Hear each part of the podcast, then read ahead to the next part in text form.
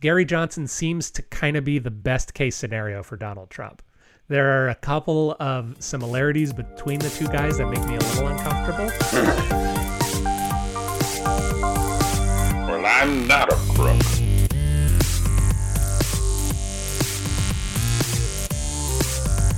But because they are hard.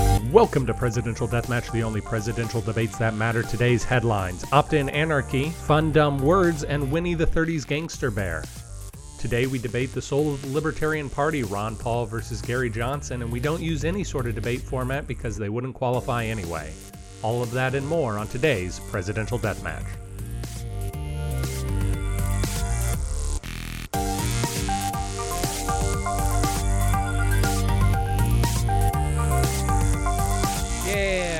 Okay. So we're lower energy than usual right now. I'm lower energy than usual. It seems like you might be lower energy than usual. But people still need to know about Gary Johnson. Yeah. People need to need to know about Ron Paul. Neither rain nor sleet nor gloom of night shall stray us from our duty to inform of failed presidential contenders. Is the oath that you and I both took at the beginning of this Uh, season? 10,000 absolutely. years ago. yeah. if, if if we ever need a shot of energy, I can just we could just cut in some of Ron Paul's Liberty Report. Well, the politicians. Yeah, throw in another one for this me. Big deal is about today. The Democrats are unified on this uh, because they want they want to blame uh, you, you know the Federal Reserve and the Republicans all for the recession that's coming. All right, cut it, cut it, "Please cut it. We can't. uh We're gonna leave him in suspense. He's suspense. so excited. Yeah, he's he's really only getting more excited with age. He also kind of sounded like Winnie the Pooh in that Yeah. particular oh my clip. God, yeah. not not Ah. dissimilar. Ah, ah. Uh, Dennis. So we are we are wrapping up our libertarian trilogy. Mm. We began with a state examination of party apparatus, which will continue this week. Then then we took a brief look at the history of the Libertarian Mhm. Party. But but now what we are looking at is really the argument that happened with the Mises Caucus. So uh, could you give a one sentence summary of of uh, where we are thus far in the Libertarian Party story? Cut to present day. Mm-hmm. The right wing extremism has just taken hold of the party. Is that too extreme? I, I think so. I, I wouldn't say right wing extremism so much as I would say very active online people. It's it's like 4chan just took over the Libertarian Yeah. Party. And and I think it's extreme, but I don't necessarily know that it's right wing extreme. That's part of it. Yeah. That's certainly part of it, but I don't think it's the whole of it. Uh huh. and and definitely friendly. But we're gonna we're gonna parse some of those differences today in retractions, which is uh, not so much retractions as it is a just uh, we forgot some stuff last week. Let us tell you about. it. uh, but yes, that is where we are, and ultimately. What is going on is a fight between the people who say we need to bring back the Ron Paul revolution and the people who say, but Gary Johnson was a clear, level headed, proven candidate who brought respectability to the party. And shouldn't we repeat that? And I am going to be arguing in favor of Gary Johnson, and you, therefore, will be taking on the extreme right wing position of Mr. Ronald Ponold, as he's called. Yeah, thank you for saying you therefore. I enjoyed that. so so so you said people are talking about which one to like return to? The yeah, the Mises Caucus. Well, let uh, first let's get into retractions so we can do this all official. Like, Yeah. can Dennis? Can you do Ron Paul on the Liberty Report, bringing us into retractions? Well, I- there's uh, I got a retraction box for you. Uh, and here's the thing about it: is it's uh, uh, it's old and it's uh, it's an absolute mess. We need to uh, pretty much just get a new box. I think. He's also a gangster from the 1930s. in addition to being Winnie the Pooh. He's probably not terribly far off from being a gangster from the 30s. No, no, he he's got. He feels like he could fit in in Fargo yeah. for sure. he could definitely fit in in Fargo. Born 1935. Oh, I'm glad we got that in there. Uh, I've got some Gary Johnson birth date trivia a little a little bit later. Once we're out of retractions, let's start with with some actual retractions. So, Dennis, for the first time in presidential deathmatch history, we are more than a week ahead, or we're about exactly a week ahead. We release on Wednesdays. We recorded our last episode a week before it was going to be released. We're recording today a week before it's going to be released. And what that meant was that people uh, just now gave us their uh, retractions and their complaints from two episodes ago. So it almost felt as though maybe we uh, we weren't listening to them. That is not true. We were, and we got some new information about Winfield Scott memorials Ah. because we are slowly becoming a Winfield Scott Memorial spotting podcast. But uh, and I'm sure we will look into it more. I should, of course, say Winfield Scott Hancock memorials. Uh, but I guess the idea was that he died very suddenly, and I think he may have been the last Civil War general of note who died, and so there was just this sort of immediate outpouring of grief and of uh, wanting to remember him, and that is why we we have so many. Interesting. So it's not then because there- of the confusion around Winfield Scott, No, John no. Hancock, and Winfield Scott Hancock. That is uh, correct. And Scott Winfield, of course, uh, who I I'm sure was a jazz trombonist. My great grandfather. Uh, there was also some uh, uh, some light ribbing on the Eisenhower memorials. Uh, the uh, the fellow who alerted me thought I did not explain my explanation of the memorial did not do it justice. So I'm going to try a little bit harder. It was brief, it was brief, and then I but it was my favorite. I googled it while you were talking, Yeah. so I wasn't like, "Explain me more." I just looked at it. Yeah, and it looks pretty cool, right? Yeah, it tells a right, story. well, I think we're good. no, so I guess one thing that I want to say about it is that a lot of the presidential memorials in DC are in a building. Even if they're in a like an open building, they're in a building. So uh, Lincoln is is housed, and Jefferson is in a rotunda. Uh, Eisenhower's is not like that, and what that means is that a person could theoretically only see part of the memorial and not realize that there's much more to your right, which is what happened to me on the first day. But in the plaza, in the Eisenhower Plaza, there are, I think, four stations. I only remember three of them clearly, but there are four stations, one of which is a tower. And the tower has a young Dwight Eisenhower looking into the future. And I'm counting those as two. And then there is Eisenhower at D Day, sending the troops off to war. And so that's we, where we've got a standing Eisenhower. We've got a number of grim faced soldiers. Then we've got uh, some quotes from Eisenhower. I think it's from his inaugural address, but I can't remember off the top of my head. And then further down, which is one I, I never saw very clearly, but was there, is Eisenhower as president sitting at a desk and uh, probably designing the interstate highway system. Highly recommend, and it is across from the National Air and Space Museum, which is the apparently the most popular museum in the world. So easy enough to see if you're ever in DC. You're just saying that because your name is Aaron Space. That's true. Aaron Space. Aaron Garrett. Space Hancock at your service. the Kennedy Memorial in Dallas. I went there recently. It, Yeah, um, I really like that one. I think it's I have not seen it's it. pretty. I do my best to stay away from Dallas. Don't we all? Yeah. I just was talking with someone uh, in like an interview related context at Texas Monthly, and she was like, "Yeah, I just got a house here in Dallas, but I'm from San Antonio originally." And I was like, "Oh, I, I love both of those cities." She was like, "Well, San Antonio's great."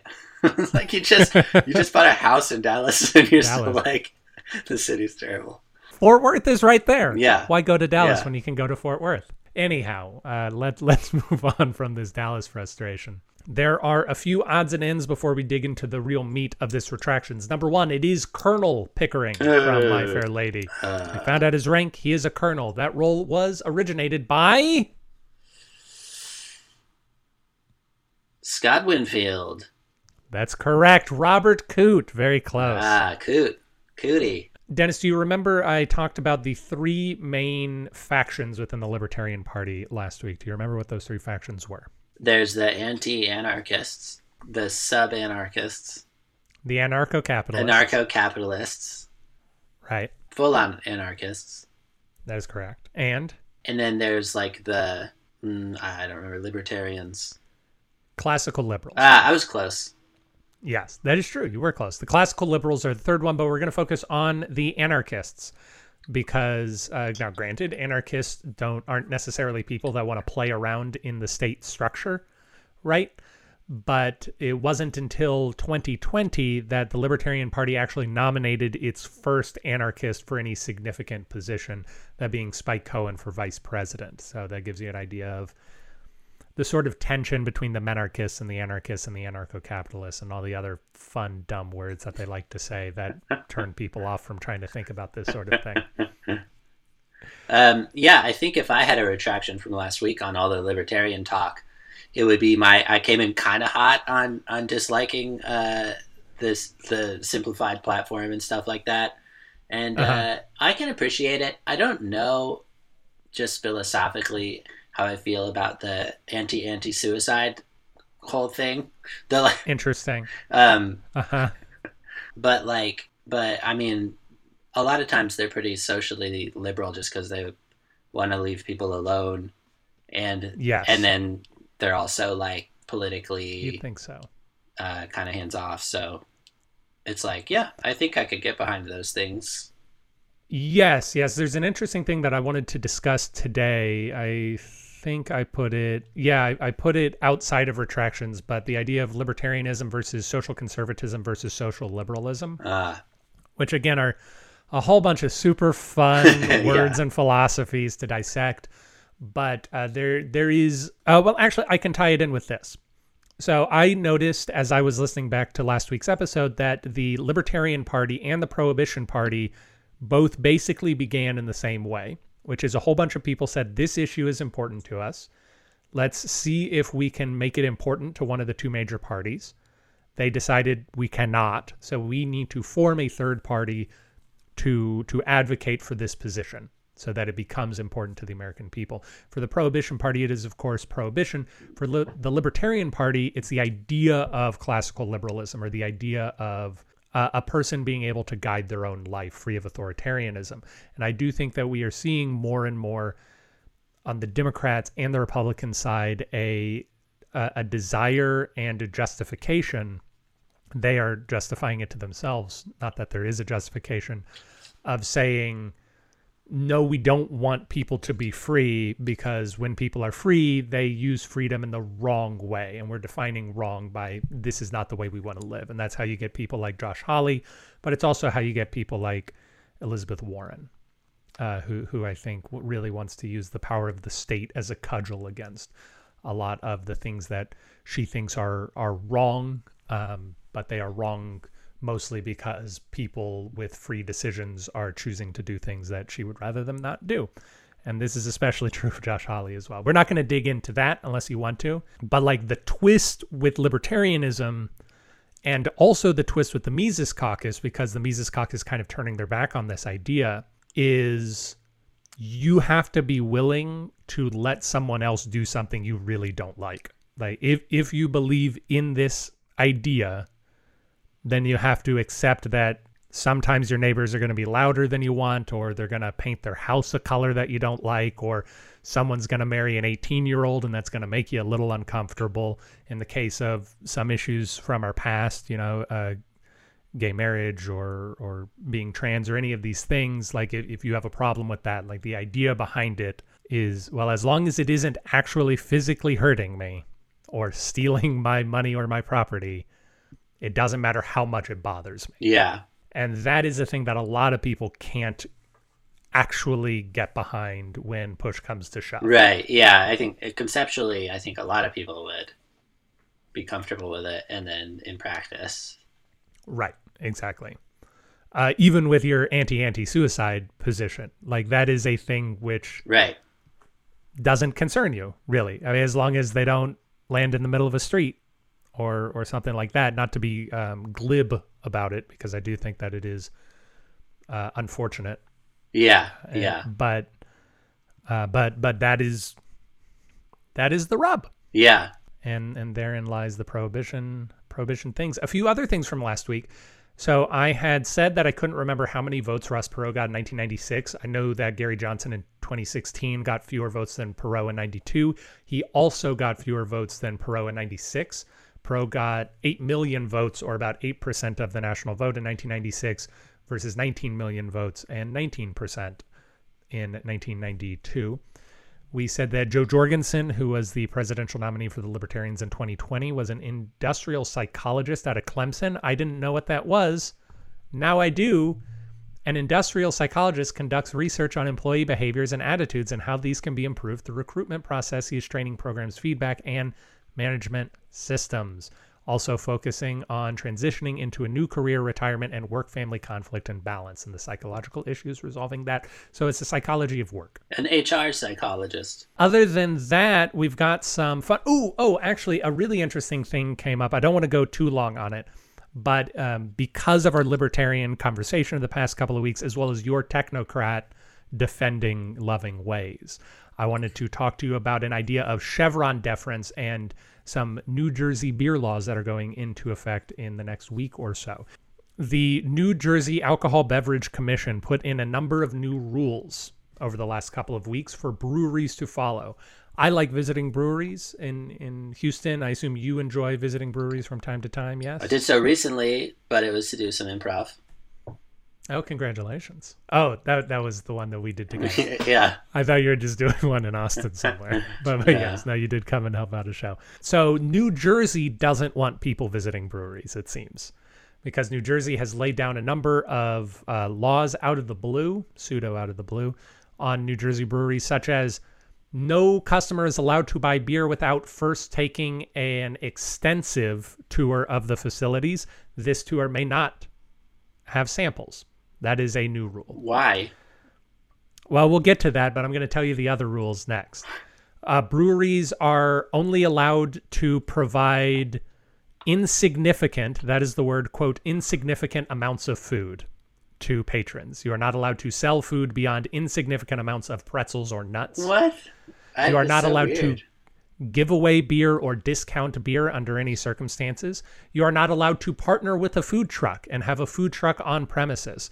You are not allowed to use social media to promote events if you are a brewery in New Jersey more than 25 times per year. Nor are you allowed to contract with an outside advertising agency to help you promote any event at your brewery. If you are a brewery, you cannot host community events such as farmers markets or craft shows or other things. Uh, there are a number of these rules that have come into effect. Oh, you are not allowed to serve soda or water that you did not make yourself. So if there's a person who doesn't want to drink but does want to come to, to hang out with their friends, that person is not permitted to drink anything because you are not allowed to sell soda that you did not make at the brewery. That's insanity. Yes, these all sound like dumb rules. Now, the reason why these rules exist is because New Jersey is famously corrupt and New Jersey's restaurant lobby is strong. And the New Jersey restaurant lobby has say, been saying that breweries are too good at getting people into breweries instead of into restaurants. And so the New Jersey Restaurant uh, Lobby pressured the Alcohol Beverage Commission in order to put down all of these rules to get people to stop going to breweries.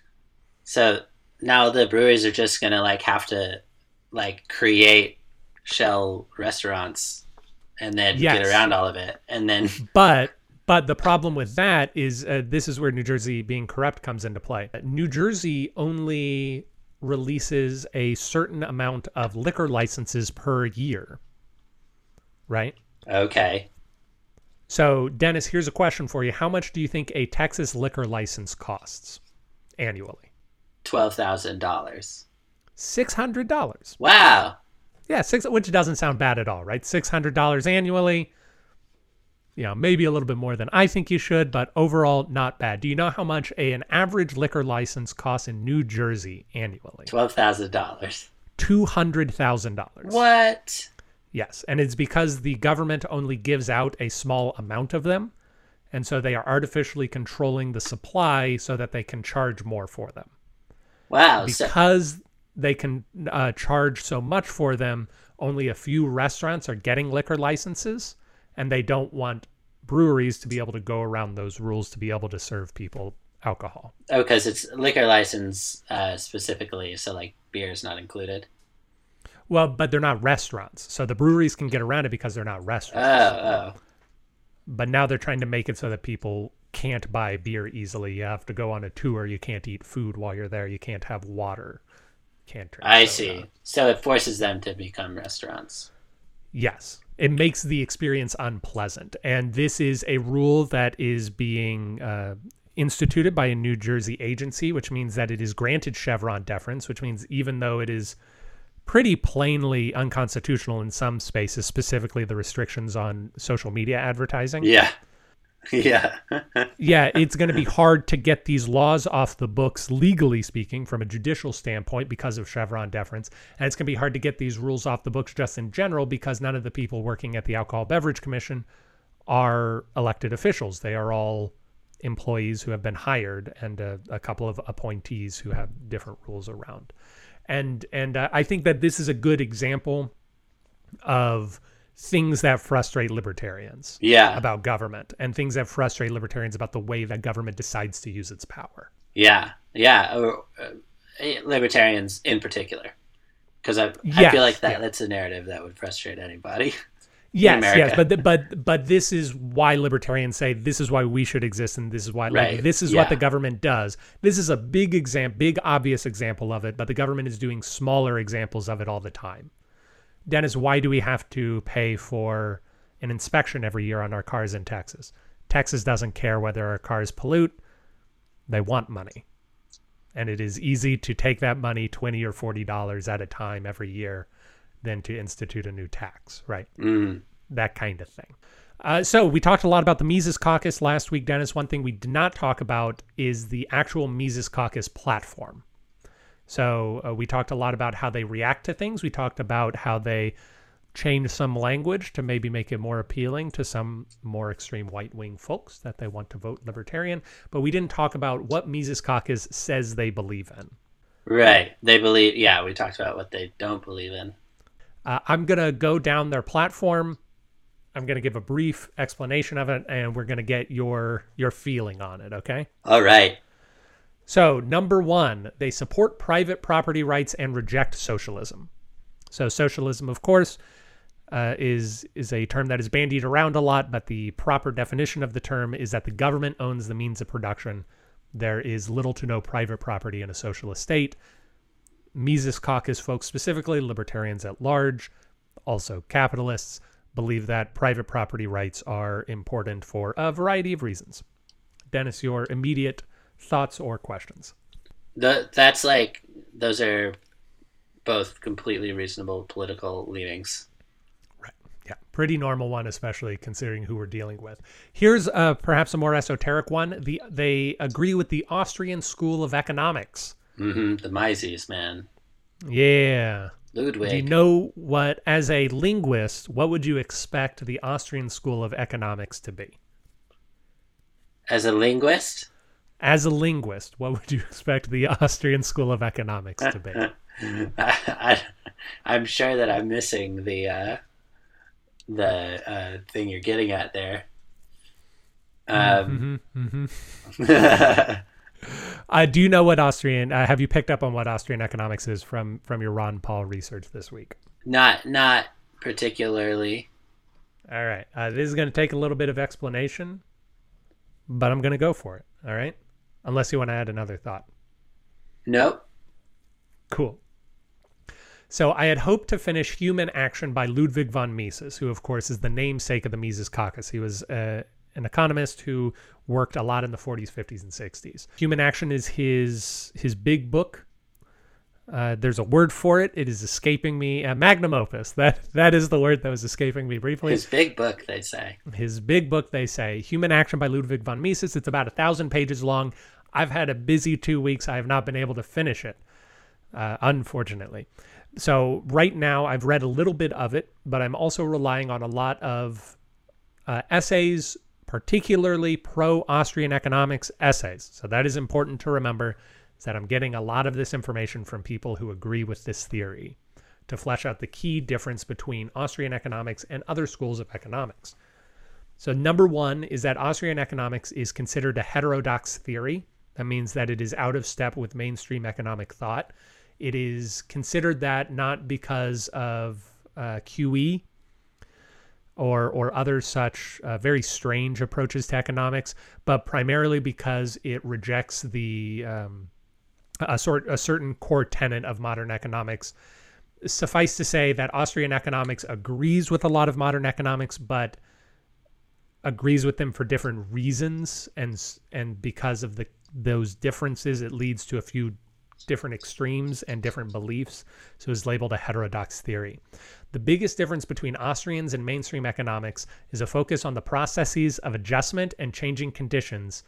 That's what Austrian economics believes in, as opposed to focusing on static or equilibrium states of affairs. Mm. So here is a thought experiment to to actually explain what that means. Imagine if refrigeration wasn't an option, Dennis. You could not refrigerate anything and you had fish to sell. You start selling them at $10 per fish, and many people buy your fish. But after a little while, it slows down and you still have fish remaining. As the day goes on, these fish are going to spoil and they're going to be worth zero dollars, right? So you adjust your price down and you sell it at $8 a fish, $6 a fish. A little bit later, you sell it at $5 a fish. And eventually, the market clears and all of the fish that you had, you sold. Okay. hmm In standard economics, they would say that the price and quantity vector that would clear the market, that, that there is a, a particular price quantity vector that would clear the market of, of your stock, uh, and a series of simultaneous equations would get you to that number of what is the appropriate price to sell these fish at any given time. But the Austrians don't disagree with that idea. But what they want to do is talk about all of the activity, what they call entrepreneurship. Um, they want to talk about when people adjust the price, how they adjusted the price, arbitrage opportunities. Can you, I buy a fish from you, run to the front of the market and sell the fish at a higher price before people get in? They want to talk a lot about the human psychology surrounding economics, whereas a lot of modern economics is focused on mathematical models. hmm So the focus is not on the vector, it's not on the equation, it's focused on the human activity surrounding the equation. Because of this, a lot of modern economists find that uh, Austrian theories are somewhat unfalsifiable because they don't rely on models. Because of that, they view them as a little bit squishy. Austrian economics wants to talk about cultural frames of reference that form the priors that rational actors have. They want to talk about the fact that we all have different priors because we're diverse individuals who have different perspectives on the world, but somehow we have to reconcile these differences through the exchange processes in the market. So fish is not necessarily going to be worth the same thing to you as it is to me. To the Austrians, economics is not a tool of social control, but it's a framework for helping understand humanity better. Uh, Hayek, who's another uh, econom uh, economist in this Yeah. uh, field uh, had a phrase. He said that the curious task of economics is to demonstrate to men how little they really know about what they imagine they can design. Hayek also says the chief concern of the great individualist writers was indeed to find a set of institutions by which man could be induced, by his own choice and from the motives which determined or his ordinary conduct, to contribute as much as possible to the need of all others, and their discovery was that the system of private property did provide such inducements to a much greater extent than had yet been understood. So that is a, a woefully incomplete explanation of Austrian economics. What is your immediate reaction to it? It's very cool. I understand why you asked. Well, I guess I don't understand why you asked, but it definitely is a lot like linguistics in that language and money are the two um, human human unique enormous data sets that we can use to apply to anthropology and sociology to like make fascinating data driven observations. So even though you're talking about it being squishy, it's squishy in the same way that linguistics was squishy at the time, but Yeah. you could certainly think about approaching, and I'm sure a lot of people have approached anthropo- anthropology from an economic perspective and use Mhm. the movement of money for their data source. Um, and it's really cool in that way, or sociology. Yeah, and the I think all uh, economists, but certainly Austrian economists, would say that uh, economy is not just the movement of money; it's really the movement of anything. It's Yeah. movement of incentive and energy and skill and labor and all that stuff. So uh, another source that I was listening to was saying that Austrian econo uh, economists are not necessarily libertarian, but because Austrian economics naturally favor private property ownership as sort of a consequence of a lot of the things they believe then it dovetails very nicely, and the libertarians have kind of adopted that as their main view. So this is not libertarians have developed a school of economics so much as there is this theory and it agrees with a lot of libertarian priors and so they they lean into it in much the same way that that a socialist like uh, quantitative easement because it it confirms a lot of a lot of their priors. Further on in the Mises Caucus platform, they would like to reject mainstream monetary policies such as central banking and state-issued currency. If you heard Ron Paul complain about the Fed on that clip a little earlier, that's kind of what he's talking about our the way we do monetary policy. Do you have many opinions on our monetary policy dennis? I imagine i would have opinions in a conversation where i learned things but i haven't yet learned the things. Here's a quick one that you may or may not uh, feel confident in saying. Do you want to reject state issued currency by which i mean the us dollar uh, for for a non-state issued currency such as bitcoin or ethereum or or uh, anything like no, that. No, no, no, no. neither do I. Uh, I think that that is short-sighted, to say the least. But they also reject the Fed. They don't like the Fed. I, I'm sure you've heard a lot about the Fed. It comes up all the time.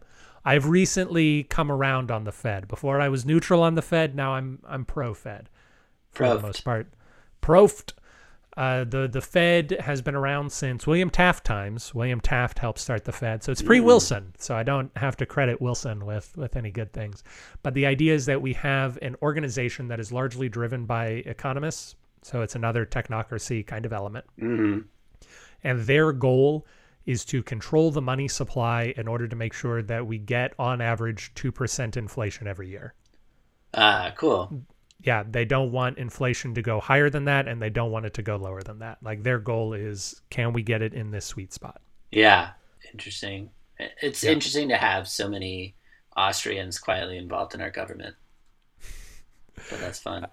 Uh, that actually predates Austrian economics. I, oh, also, the Fed is is against Austrian economics. They want to get rid of the Fed. Libertarians do not like the Fed. Uh -huh, yeah, they do not like the Fed because it's the government meddling directly in money and they want to get rid of that uh, because yeah because they're americans. Yes but uh, you, you recall at least you must have recalled during a lot of our early presidential death matches in the 1800s we were having panics all the time economic panics. Uh yeah. Just crazy all the time and we don't have those. We've got recessions that last a little while but apart from the great depression we haven't actually had a major economy meltdown yeah. like meltdown since since the Fed was instituted. Right now, we've got some issues that we're working on, uh, but the the idea is that the Fed's actually done a pretty good job. Yeah. And when the yeah. Great Depression happened, the Fed was 15 years old, and they did not quite understand everything that they do now. Yeah. Yeah, it was a crazy time in the second half of the 1800s with like internationalization, and it, mm -hmm. I could mm-hmm. totally see yeah, how you'd be imperial. like, we need someone who just know can make some sense of what's happening yeah. in the world. yeah, we we need someone who is only concerned about how much money is in our system yeah. and what is the right amount of it at any given time. Yeah. The Mises Caucus supports a decentralization, including secession and localism, quote, all the way down to the individual. Uh, it is a little unclear as to how that would play out in practice, but uh, one imagines uh, states' rights, city rights, and the the right of exit of a person from a relationship with a government, which I do think is important but difficult. Uh, Dennis. Optional anarchy. Yes. Opt-in anarchy. Mm-hmm. Mm-hmm. don't really don't really know how that would work. Where are you going to get the roads you walk on? I ask. You get them for free. It's awesome. Mises Caucus supports non-interventionist foreign policy in opposition to war. Dennis, you pro-war? Uh, no. Are you pro helping Ukraine? Yeah, I'm pro supporting Ukraine. Yeah. So in this incident, uh, incident, the Mises Caucus would say that you are pro-war and pro right uh, interventionism.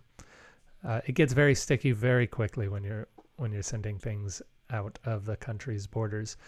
And here is uh, the last one, perhaps the big one in a lot of people's minds, Dennis. The Mises Caucus rejects identity politics as weaponized tribal collectivism that is antithetical to individualism.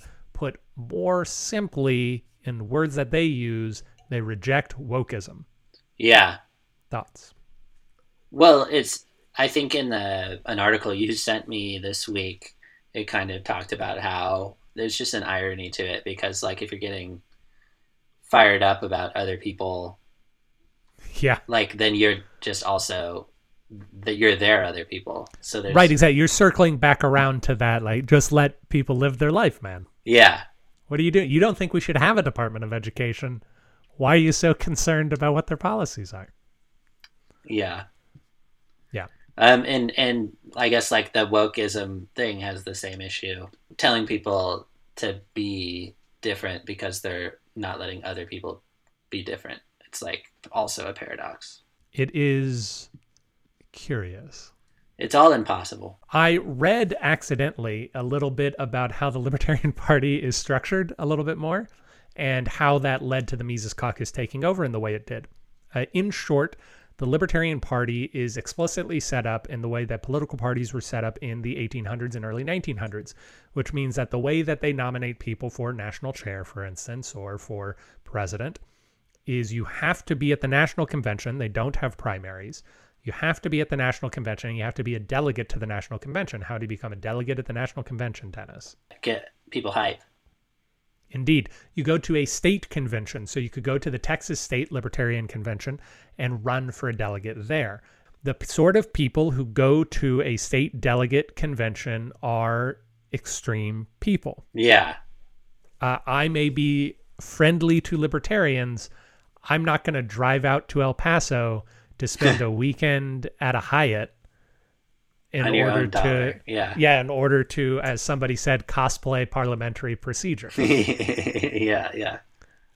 so usually the state delegations have maybe 30 people at them and they nominate people to go to the national convention where you're going to do everything what somebody accused the mises caucus of doing and i want to say accused because there are no news sources to confirm that this is true is he said that they riled up a lot of right-wing people and convinced a group that was not traditionally libertarian to all show up to the state convention that way they could overwhelm Mm. the the processes and get their people into positions and then send those to the national convention Yeah. yeah It's interesting because in a way, it's like the intent of the. I feel like of the whole system is that the people who are most riled up are able to make change. Mhm.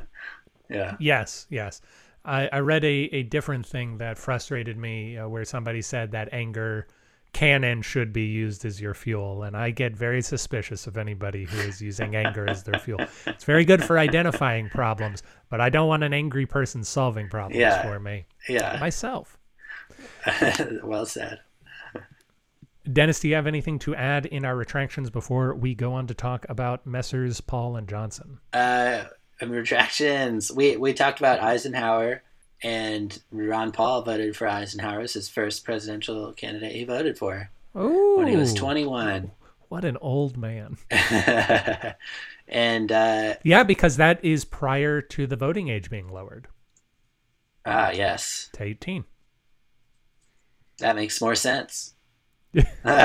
and uh, another transitional Ron Paul fact: Ross Perot sounds kind of like Ron Paul. He does. They are not. They are both tiny Texans. Yes. Oh, I meant just their there. names. They're both like Ro P. Oh, you are correct. They are bo also both tiny Texans. Yeah. who've always been kind of old. Presidential deathmatch regrets the errors. Okay, Dennis. So I'm going to set the stage just a little bit, and then we're going to talk about our two guys. And this is going to be not quite like our debates of old, uh, but we've already sort of talked about the topic. And the topic is the soul of the Libertarian Party. So, as we said at the beginning of the episode, what the Mises Caucus keeps saying that they want to do is bring back the Ron Paul revolution. Right. The way they define the Ron Paul revolution is that Ron Paul ran for, uh, despite the fact that Ron Paul was Libertarian candidate for president in 1988, what they are not referring to that election. That was actually an election where he, uh, a lot of people said he was too conservative to be a libertarian. yeah. They're talking about he was anti-abortion. indeed, and presumably still is. What we are talking about is when Ron Paul ran in 2008 for Republican nomination for the Republican nomination for president. That's how a normal person would say that sentence. And uh, to a lesser extent, when he ran in 2012. A lot of people say that the way he spoke about issues really animated people, got people excited, and have brought people into the quote unquote liberty movement, and that they are there forever. That because Ron Paul brought these ideas. I certainly remember Dennis in 2008 watching Ron Paul on the Colbert Report and uh, being like, "Ah, this is an interesting guy." Right. He he had an energy about him. Yeah, like This- Ross Perot. Yeah, exactly. this is against Gary Johnson, who uh, we're going to learn a lot more about him. But basically, he is an unassuming guy who cares, perhaps to his detriment, too little about attention. And so he is quietly advocating for his positions, a little goofy. And as Angela McArdle, the current chairperson of the Libertarians, says, Gary Johnson did not light a fire in anyone's heart. Yeah, in anyone's loins. Right. She was on the verge of saying loins and then She, switched and it then up. she did a quick reversal. Yeah, she's a paralegal. She's not going to get tripped up like that. Yeah. It's interesting that you put it that way because I definitely and I think the the experiences that I've had, the presidents that we've had recently, I think make me see things always through this lens. But mm-hmm. as I read about him, it felt very much like someone who wanted to just make sure they had their personal brand making as much money as possible. So that the parties were a tool Yeah. for that to happen and then when they weren't working and it was going to work better to go out on your own you just go out on your own and you don't lose followers that way by dying when the party says you die it's funny you should say that. There's, uh, I was reading a G, GQ article that was following Gary Johnson in 2012. Uh, this is when Gary Johnson was also running for nomination, uh, Republican nomination for president. And Gary Johnson went out to Porcupine Fest, which is an annual libertarian gathering. And the the writer of the GQ article said, like, a lot of people like Ron Paul, despite the fact that Ron Paul did not show up. He somehow managed a way uh, to have a booth selling his merchandise. yeah yeah yeah yeah But yeah, I think you're right about that. So let's start with just the the question as they stated. Okay? Is it better to have that personal brand, that person who gets people really excited, or to have someone who is a little more low key? It's surprising to call Gary Johnson low key, uh, but someone who is more of just a good advocate who can put in the legwork. yeah i think it's, it's something we've chatted about before a bit and i think the angle i took on it was that it's valuable to have a rallying sort of persona because once you're actually in that leadership position, that might just cause you to instinctively unify the vision of the team uh, a little bit better. And also, like, you really probably are motivating people. And so, if that's all a little bit more unified, then that's good. But um, it's so it's so hard to balance that because if that's what got you there, then you're probably missing some pieces.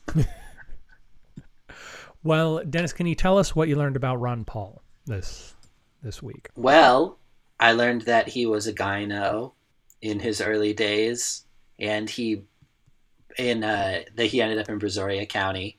Yeah, sorry. I, I briefly tried to figure out the abbreviation because you said rhino so many times last week. You do mean a gynecologist? Yeah, yeah, yeah. Okay. You don't he was not a part of some strange political party I am not aware. No, he. uh No, yeah, he's a gynecologist. Okay. So so he's a doctor. That's interesting. Yeah, he he went to Gettysburg College, and my friend Kevin was in the same fraternity house as him Oh wow. many years later, Right. and uh, yeah, and was president, which I think Kevin also was, or maybe Okay. get maybe Paul was only a Ron Paul was only a member, but So Anyway. we might need to get Kevin on just to Yeah. interview him as the current spirit of Ron Paul. yes, I think so. I am sure he and his new law career would really enjoy that sort of spotlight being focused on him. yes. Um, yeah, Gettysburg College, and then he went to Duke for Duke School of Medicine, and was a flight surgeon, and then was in the National Guard, and then he went to Brazoria County, Texas, and which is just down the coast from Galveston. Uh, Mhm. It's Freeport, and then it goes inland to like Pearland, and of course the lovely town of Clute. Hockley. Oh, Clute. Oh, I know Clute. We all love Clute. We do love Clute. I know some Clutes. You know some Cluties?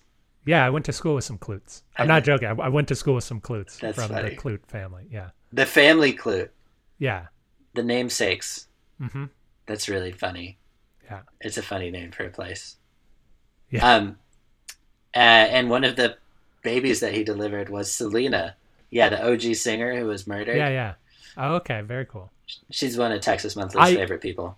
Honestly, only know her as an improv game. Really? Yeah. What's the improv game? Uh, the improv game is when you say, uh, you know what my favorite part of the movie Selena was? And then you just talk about something and then people act it out. It's a very weird game, Fun. as a lot of improv games are. J Lo's breakout role. Indeed. Um, then he got into he he got into Austrian economics and then got into politics after the gold standard ended during Nixon's presidency. Okay, yeah. And so he ran and he won because there was only two gynecologists in Brazoria County, and the other one was his partner. So everyone in Brazoria County voted for him, and it tipped the oh. scale. Really getting that woman vote. yeah, It's important. yeah. So he was always Republican when he wanted to win an election, That is true. and then like, but then would uh, kind of like I was talking about, he would complain about the parties and how the whole system was broken, and then go back to kind of being a libertarian. And always And if I'm not-. Mistaken, what he won was a special election, and then he did not win re-election later that same year to the seat. So he won the special election where presumably the Brazoria County turnout could really help him. Uh-huh. But then when everybody came out, I think that was Jimmy Carter's uh, 1976. He did not win re-election to the seat that he had only held for six months, but then he did win it two years later. Yeah, yeah, exactly. And yeah, and then when that's when he won it because of the yeah was in Congress for a bit and then lost a Senate race, and then jumped into libertarianism really hard and started a company that was just newsletters and made It's going to come back to bite him. yeah, and made uh nine hundred thousand dollars from that. So that's like I think kind of what I mean, where it's like I think that's one of those things that really reveals. It's and during that time he also had Ron Paul coins, which is where you could order coins. with presumably his face on them. I don't even know. And in the the newsletters were the Ron Paul Freedom Report and the Ron Paul Survival Report, and it's it's all just like And his current podcast is called. the the Ron Paul Liberty Report, I believe. Mm, I'm sensing a theme. Yeah. And it's yeah, it's just like, you know, even the fact that he's doing a podcast that he still consistently does. I'm sure Yeah. part of it is because he wants to talk, you know, and and spread his his wisdom, but I think it's also because he always wants to be like getting more More Like- attention. yeah, attention and, and more revenue stream going. I don't want to put words in your mouth, which is why I'm going to ask you a question. A lot of what you are saying can be interpreted cynically uh, to say that maybe Ron Paul doesn't really believe in in what he's doing, or that even if he does believe, his his first master is his own image. Is, is that your read on him? Actually, Yeah, so I think that's why I prefaced it earlier with saying that it's hard for me to see anything without Trump colored glasses. right? at this point in my life. Um, it's hard for me to believe that. I'm sure Beautiful orange gold color glasses that are just slightly too small for one's face. make everything look like Cheetos. he so, I I it seems like he got really inspired to be involved in politics in the first place because of the like the Mises, Ludwig von Mises, and mm-hmm. stuff. So I'm sure he really cares about that stuff. And you listen to his podcast, and like he clearly has real opinions and everything else. But it is true that we have a disagreement on how we approach it. I followed what my understanding is of the Constitution, and it, it does allow for the states to deal with difficult problems. Matter of fact, it allows the states to deal with almost all the problems if you look at it. This is the solution. This is the solution. I'm sure he believes in all of it. I think that it's all in service to, yeah, to his success for sure. I don't know. That's that would be my guess. I don't know how you're in politics today without everything being in service to your success. Yeah. Yeah, probably. It's I- an unfortunate reality of our system. And I I do think yeah. sorry. I I, think ju- that there are a few I terribly sorry. Well- You're talking about Ron Paul. Please No, no, you can go. I was just say I think that there are a few sort of out of nowhere candidates who are at least not the the tainted corruption has not creeped up entirely on them yet. Mm. I don't know how one wins a Senate race, but but I could see that there are a lot of pseudo invisible senators. You know, there are hundred senators, and we only ever really hear about fifteen of them most of the time, and the rest of them, I imagine, are just quietly doing good work. Mm. And I also think that people are malleable, Mhm. and so like, I think I think that you can become the thing that you know will most benefit you. So like, That is true. yeah, like if if Ron Paul is like slipped increasingly conservative over time, which I don't know if he has or if it's just that he stayed where he is. Mhm. um, and it's caused him to get more of a following because like because of being on that edge to kind of travel a little bit along that line i don't think that necessarily means he doesn't believe those things i think it's just that he was able to morph based on the positive feedback over time but again he actually seems like someone who's been particularly stagnant in his beliefs Yes. Yes, I would agree with that. So, 1988, he gets frustrated with Reagan.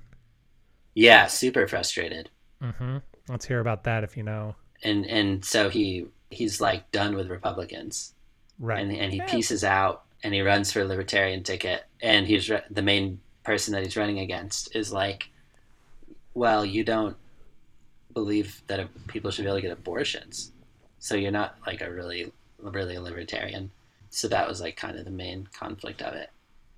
And but i think he did end up yeah winning to run as the libertarian Yeah. candidate and then he got 0.5% of the vote 46 states. Yep, and rolled with that. Yeah. And at some point, he got back to his first love, the Republican Party. Yes, indeed. Such that he could uh, be in the government again hmm um, as a, a House representative once more. Right. And did that for a long time. And then 2008, uh, ran for president again, as we were talking about earlier. Yes, he did. Now, I'm going to cut in a debate performance by him in 2008 that got a lot of attention, right? Here. If we think that we can do what we want around the world and not incite hatred, then we then we have a problem. They don't come here to attack us because we're rich and we're free. They come and they, and they attack us because we're over there. I mean, what would we think if we were uh, if other foreign countries were doing that to us? Can I have Uh, 30 that was him talking about September 11th attacks and our involvement in Iraq as one of the few anti-war Republicans on stage. Right. Which I guess, yeah, again, he's always been anti war, presumably. I He's think so. stuck to his guns on that. And then, so in 2008, when he didn't get the Republican nomination, he nominated he he announced his general support for all of the third part major third party candidates instead of Instead, of, Mitt, uh, Mitt Romney or no, McCain. McCain. McCain in 08. Yeah, one of them was the Libertarian Party candidate, but then he decided he actually was more into the Constitution. Michael Peroutka, I think. But Bob Barr, Bob Barr. Mike Michael Peroutka might have been the Constitution person then. He was somebody at some point. We will cover Michael Peroutka, and at that point, we will discover why I remember that man's name. Jake Peralta. Yeah, so that's funny. Anyway, um, he has described himself as a constitutionalist many times, so it, it makes sense. He's kind of, I guess, he's maybe, even though he's largely been, when he's not a Republican, a libertarian, maybe he's as much a constitutionalist as he is a libertarian, which is Yeah, interesting. Well, some libertarians say that the U.S. Constitution, at the time that it was written, is the most libertarian form of government that the world has yet seen, and that uh, almost immediately George Washington began assuming powers that were not in the Constitution, and then it just sort of snowballed from there. That's what people are saying. People Yeah. are saying that out there. I'm not saying I'm saying that. Yeah, but it, it makes sense that they're not necessarily like hugely in conflict with each other. Right. Yeah. The Constitution Party, as a party, much like I, I'm, I you know, I don't think people dislike when we have opinions on this show, Dennis. so the uh, so for instance, a person could say, and that person is Aaron Garrett, is that the Republican Party constantly touts the idea that they are for small government and states' rights, and uh, but but in reality, what they are really for, when you look at their legislation and their priorities, is a kind of a pseudo theocracy where they want to enforce their morality on people, and so when there's a Democrat in charge, they're very much about states' rights because they can say, no, we don't want this, we don't want this to transgress our, our beliefs or what have you. But when another state wants to exercise its own sovereignty, or for instance, when, say, the city of Houston wants to impose a mask mandate and Greg Abbott doesn't want that, suddenly small government or government closer to you that's not really the answer when when it's against similarly the constitution party claims that they are for the constitution but they are uh, an even harder form of uh, conservative morality and wanting to enforce that kind of biblical Yeah, uh, fundamentalist biblical belief right. which isn't my bag Yeah, I agree. uh, any more about ron paul he runs again in 2012 Yep, yep. Uh, runs again in 2012, and then he kind of pulls all the classic 2000s moves. I don't know calling them 2000s moves, but claiming that there was like fraud, election fraud and voting machines being messed with and such, and that's why he didn't end up getting it, and Romney got it naturally Um, naturally because he's so much wealthier and better looking than Romney. So how could he have lost? hard to disagree with that and then he again refused to endorse anyone else yeah um, in the Republican Party. And yeah, I think, and uh, and then as we've kind of covered, he's just continues to do his thing on his podcast, and and that's that's him. oh ron paul well First, ron paul oh go ahead first and potentially only senator to be in there with his son simultaneously. uh, he is not a senator though Oh, maybe. Yeah, he has always been a representative. But yes, his son Rand Paul has been a senator for Kentucky for a little Right. while. trying to see if I can think of anybody. No, one the current Hawaii representative or one of the current Hawaii representatives, his father was served in the Hawaii legislature with his son. But they were not Ah. in the US legislature at the same time. And I think it is possible that Robert and Ted Kennedy, who were brothers, were in the Senate at the same time.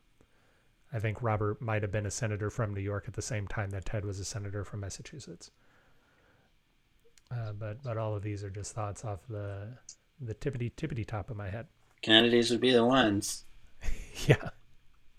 Uh, Gary Johnson, Dennis, uh, is a real goofy guy. I've been listening to a lot of his stuff. How's his type five? Great. Is it tight? It's- It is not tight. It is it is a loosey goosey five. But if you want a supportive player in improv, he can do it. Uh, but Gary Johnson started 1953 off right. He was born January 1st, 1953. And because because I feel as though that that means he is indicative of the whole year, I went to go look at some famous events that happened in in 1953. The first James Bond novel was published. Whoa. Playboy was first published. Coincidence? I think not. Premier Khrushchev becomes head of the USSR, Whoa. and Julius and Ethel Rosenberg are executed. So, Whoa. Uh, 1953, just to give an idea of like timeline, that would be 19 days before Eisenhower was first uh, inaugurated. So it was like right when Yeah, Ron so Paul was voting. was for the first voting at yes, yes. Gary Johnson was a New Mexican businessman. He was actually born in North Dakota, but he he came to New Mexico as a child. I think he graduated from an Albuquerque high school. He was a New Mexican businessman who, in his 40s, decided to jump into the governor's race over the Republican Party's disapproval. Gary Johnson basically came to them and said, he's actually uh, talking about looking at things through Trump colored glasses. Gary Johnson seems to kind of be the best case scenario for Donald Trump. There are a couple of similarities between the two guys that make me a little uncomfortable, which we'll talk about. But in Gary Johnson, they all seem kind of lovable or almost lovable, whereas in Donald Trump, they were horrifying. so in 1993, Gary Johnson comes to the Republicans and says, Hey, I want to run for governor. And they say, Hey, kid, thanks. Um, we really like your money. Why don't you run for state legislator instead? This is the RNC. Yeah, well, not the RNC, but the Republican Party of New Mexico. Oh, okay, okay. And Gary Johnson says, uh, "No, thanks. I I think I will run for governor of New Mexico." So he gets into the Republican primary over the Republican Party's wishes. He wins the primary by about one to three percent, and then he goes on to win fifty percent in a or forty nine point eight percent in a three way race for New Mexican governor beating the incumbent governor and the lieutenant governor who's running as a candidate for the Green Party. Wow. So he wins his first ever election in 1994 to become governor of New Mexico. And four years later, he is elected with a higher proportion of the vote. He gets elected with 55% of the vote. He is the first New Mexican governor elected to two consecutive four year terms. This is not as impressive as it sounds because the New Mexican Constitution had not been amended to allow that until his election. Oh, okay. So so there was only one other guy who could have done it, and it's the guy he beat for reelection. right. That guy is also kind of interesting as a New Mexican governor. He is the longest serving. I wish I had written his name down. I did not.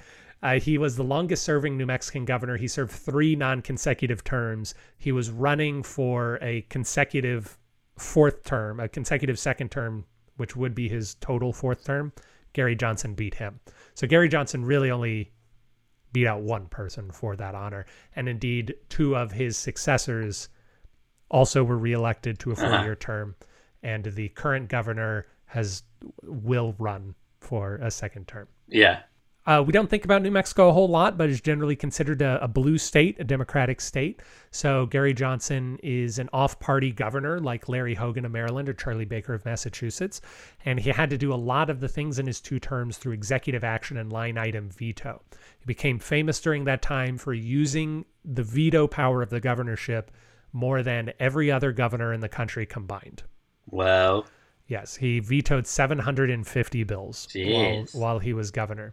He did not achieve his two biggest policy aims, which were school vouchers and drug legalization, but he did build a lot of roads, he slashed budgets, and he kept taxes low. It was the first time in New Mexican history that taxes did not rise during a, a governorship. oh wow. Yeah, Drug which is, legalization? that did not happen. But it it sounds that's not a theocratic, you know, thing. No, no, no, no. He's Libertarian. he's libertarian. Uh, Yeah. he's uh, we'll get to it a little bit later, but he in his announcement to run for the libertarian nomination in 2012, he says something like, "Yeah, people just kind of pointed out that I've always been libertarian." Uh-huh. So, and I basically governed the way a libertarian would have. So, I should join this party and and run because I'm a tech. I could be considered a successful two-term libertarian governor. Yeah. Uh, this is an interesting thing. He he was a very active guy. So he's climbed Mount Everest with a broken leg. Whoa. He just uh, he completes every year a thing called the Intercontinental Race, where you start at Mexico and bike up into Canada, oh, fun. uh, which he just finished a couple of weeks ago. And he says it's a very brutal ride. He wanted to be a professional skier at one point. He's he's a super active dude. So when It's a good ride back though, because then you're going down the map the whole way right, back. yeah, the wind at your back, it just feels real nice. Yeah. So when litter became a problem in New Mexico on the highways, he organized a bike race from one end of the state to the other, where he was leading basically a flotilla of New Mexicans to collect the garbage. They attached things to the bikes to help pick up the the litter on the way through, Cool. which I think is very neat. Yeah. Yeah. Basically, he was considered a good governor, although a governor who did not do a lot legislatively because the Democrats were opposed to a lot of the things that he did. Uh, one of the Trumpy things, uh, besides being a construction guy who jumped into a race over the wishes of the party and then ended up winning it by a very thin margin, is he he reportedly did not like talking about policy a whole lot, uh, and he would kind of like gloss over a lot of the details. I, I, think he gets a little more serious as he gets older. But when he was governor, they say that he would rather talk about his exercise regime than about the policy that's in front. So in 2008, uh, oh, in 2003, he is term limited from running as New Mexican governor again. He decides that he does not want to look into any higher political office at that time, and he becomes the the head of an organization. I can't remember what. In 2008, he nominate or he endorses Ron Paul during Ron Paul's run for president, which is cool. Their paths have crossed. Ah. Then in 2009, he he founds a nonprofit governmental organization to help spread a lot of his ideas. And in 2012, he is the first person to announce that he is running for the nomination for Republican president. This is the nomination that Mitt Romney is ultimately going to go on to win. He personally flies to Houston in order to tell Ron Paul the news that even though he endorsed Ron Paul in 2008 and he expects Ron Paul to run in 2012, that Gary Johnson is going to run in 2012. And apparently, Ron Paul kind of slammed the door in his face. Like Gary Johnson ah. shows up, says, Hey, this is what I'm going to do. And Ron Paul says, All right, I guess our conversation's done. And then he leaves. Uh, During this period, Gary Johnson feels as though he is being mistreated by the establishment, and he he has some reasons why, which we're going to get into. But specifically, I like this anecdote. He was arguing with producers in New Hampshire about whether he or CNN about whether he should be allowed to debate. So he says over his exclusion from the critical debate in June before Rick Perry joined the race is that Gary Johnson is the only presidential candidate that's viewed favorably in his own state. That every other person who is running, Mitt Romney in Massachusetts, Ron Paul in Texas, Michelle Bachmann, I think she was from Delaware, are viewed negatively within their own state. So what I said to CNN was, you're talking about a 2% threshold, which we can argue, but in the only place where I am known, I have this favorability rating. So shouldn't that mean something? Isn't a debate supposed to be about presenting all the candidates to the rest of the United States and let the people determine who they like and dislike? It's a good point. yeah. He is excluded from that debate and he decides to use YouTube, one of the first times YouTube is used effectively in a presidential context. So he has his aides collect all of the questions that were asked in the debate. And in a 45 minute YouTube video, he sits and answers all of the questions as he would. I went looking for that video and I couldn't find it. So I don't know if it's taken down. Gary Johnson wonders why he is being excluded. He believes it is because he is a pro abortion, pro drug legalization Republican and that they don't want to support that kind of attitude. Another quote from him from a GQ article in 2012 In one concise document, Gary said in a YouTube video, they managed to condemn gays, single parents, single individuals, divorcees, Muslims, gays in the military, unmarried couples, women who choose to have abortions, and everyone else who doesn't fit into a Norman Rockwell painting. yeah. And then, and then he goes, Yeah, I guess that's why they don't want me up on the debate stage.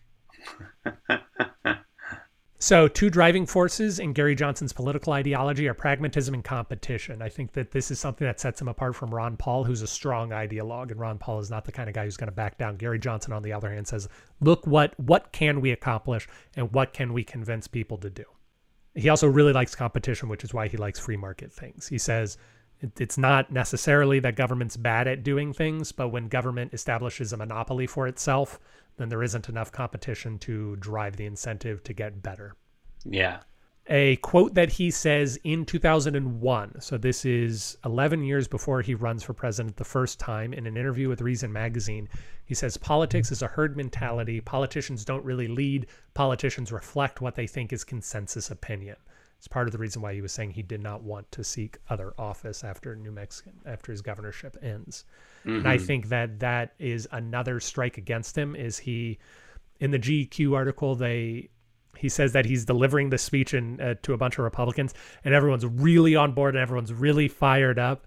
And then right at the end, he talks about how he thinks drugs should be legalized, and everyone's like, like it just cools everybody immediately. The the reporter was saying, "Yeah, people keep telling me I should drop that from my speeches, and really just end on when people are really hyped up.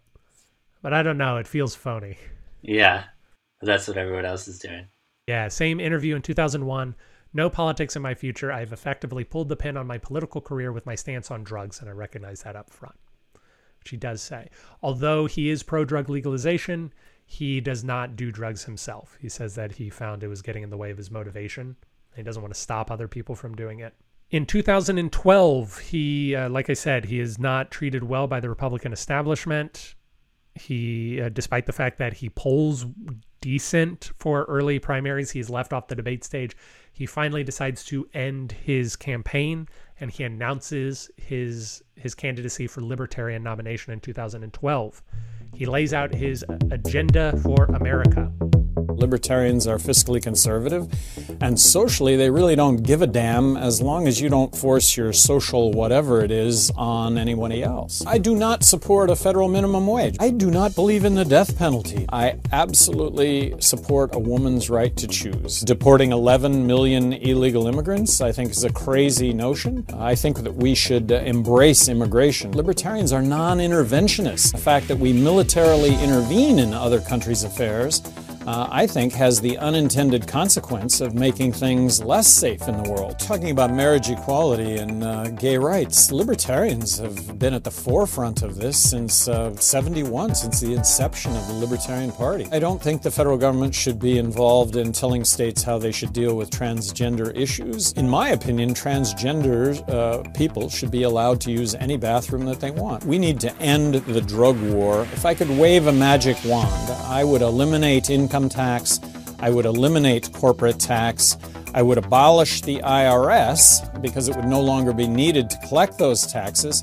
And I would uh, replace it all with one federal consumption tax. If Congress were to pass legislation that would allow um, privatization of Social Security, I would sign on to that. I think the campaign ref- uh, finance reform that should take place is unlimited campaign contribution uh, but 100% transparency. If I'm elected President of the United States and Congress submits to me any legislation to abolish any agency, I'm going to sign on to that. A couple of uh, agencies stick out. One would be Housing and Urban Development, another one would be uh, the Department of Education. When you watch television, when you read the newspaper, there are only two parties running Democrats and Republicans. Well, that's not true. And then later on in his letter, he says, they can't handle the notion of a successful two term governor elected and reelected as a Republican in a Democrat state who could veto 750 spending bills to shrink government while refusing to play the special interest game or impose a social agenda on people who prefer to make their own judgments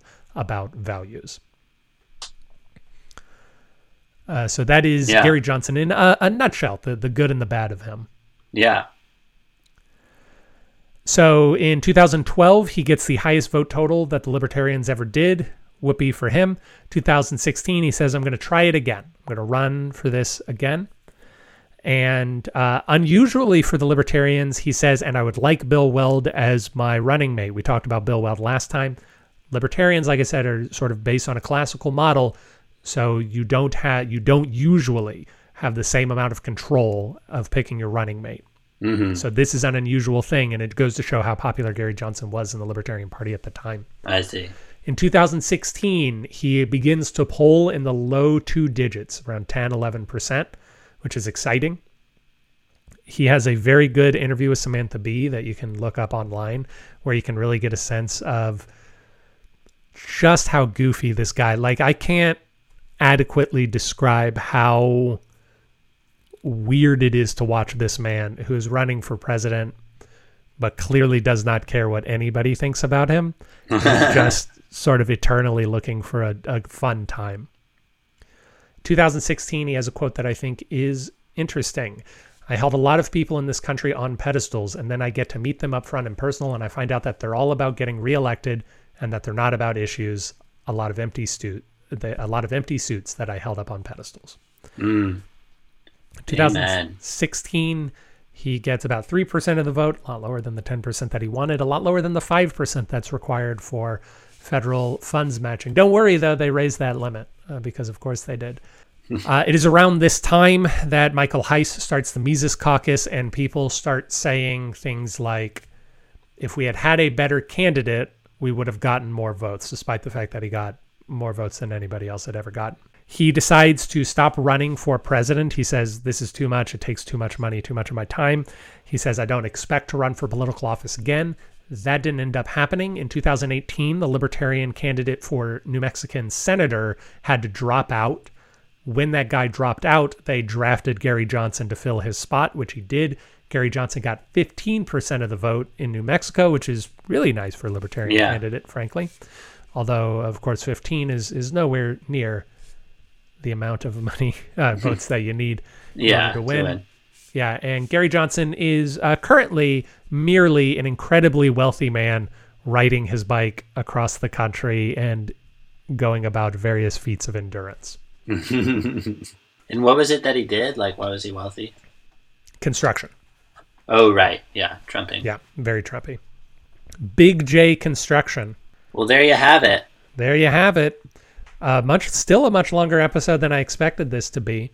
Yes. Uh, Dennis, with your views on politics and only thinking right now, not about the health of the country, not about the health of the party, just thinking in terms of election chances. Do you think that the Mises Party takeover is good for the election chances of the Libertarian candidates, or would the Libertarian Party do better to keep nominating people like Gary Johnson?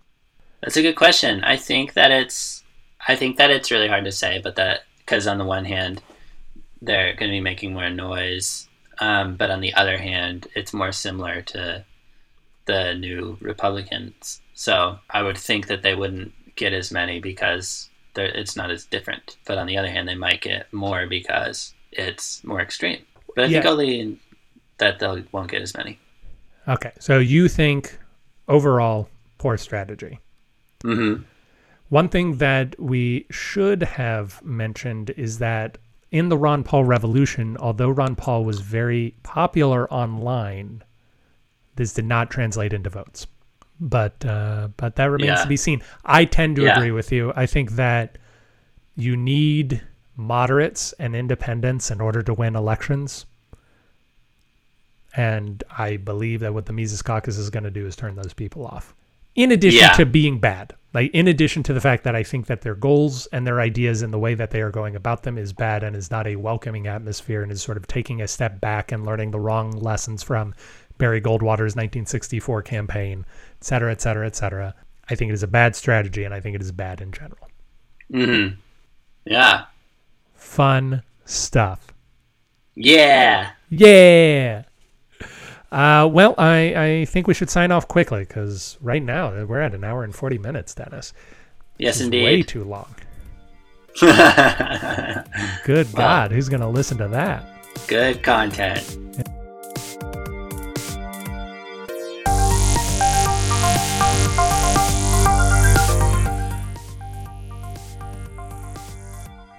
Thank you for listening to Presidential Deathmatch. Presidential Deathmatch is hosted by Aaron Garrett and Dennis Buddy and edited by Aaron Garrett.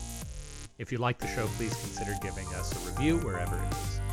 You can do that, we'd really appreciate it. If you didn't like listening to the show, well, why don't you come on back and give us another try? We really grow on you. If you want to reach out to us, you can do that at contact at pronoiatheater.com. You can also support the show in a variety of ways, including at pronoiatheater.com slash store. We hope you enjoyed it, and we hope to hear from you soon.